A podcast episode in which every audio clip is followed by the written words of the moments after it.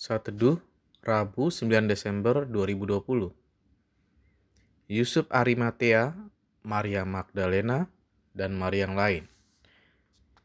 Pembacaan Alkitab diambil dari Matius 27 ayat 57 sampai 61.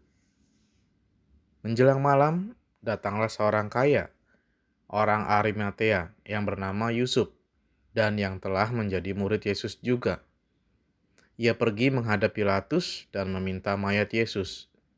Pilatus memerintahkan untuk menyerahkannya kepadanya, dan Yusuf pun mengambil mayat itu, mengapaninya dengan kain lenan yang putih bersih, lalu membaringkannya di dalam kuburnya yang baru, yang digalinya di dalam bukit batu.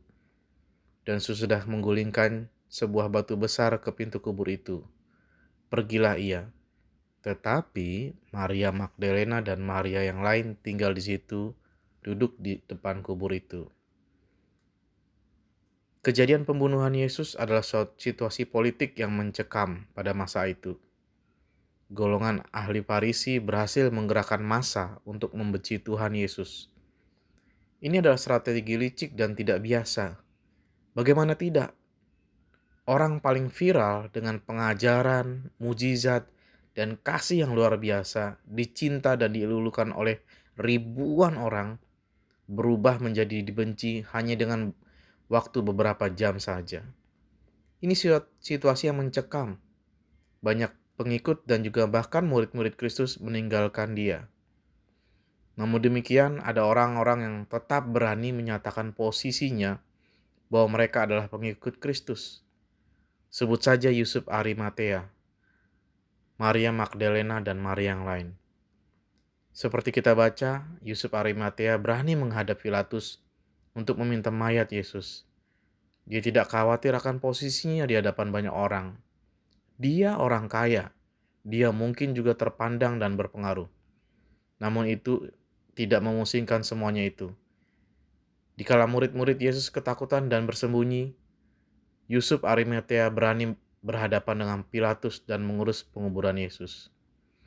Demikian juga dengan Maria Magdalena dan Maria yang lain. Mereka ikut ke kubur Yesus. Bahkan di hari yang ketiga, mereka juga hadir di sana. Mereka tidak takut dituduh mencuri mayat Kristus. Dapat kita ketahui Alkitab mencatat bahwa orang Yahudi menyebarkan berita bohong bahwa Yesus tidak bangkit melainkan mayatnya dicuri.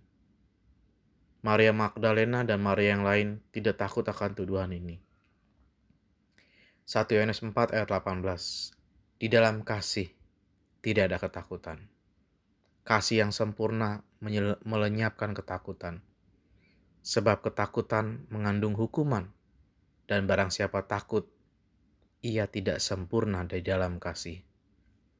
Saudara-saudara yang terkasih dalam Kristus Yesus, situasi sekeliling kita memang dapat berubah-ubah, bahkan seakan-akan mencekam dan mengancam. Namun, dapatkah kita tetap memilih untuk berani menyatakan kecintaan kita kepada Yesus Kristus? Mari kita belajar dari tokoh-tokoh ini, punya hati yang cinta Tuhan dengan segenap hati. Dengan demikian, tidak ada di ketakutan di sana. Amin.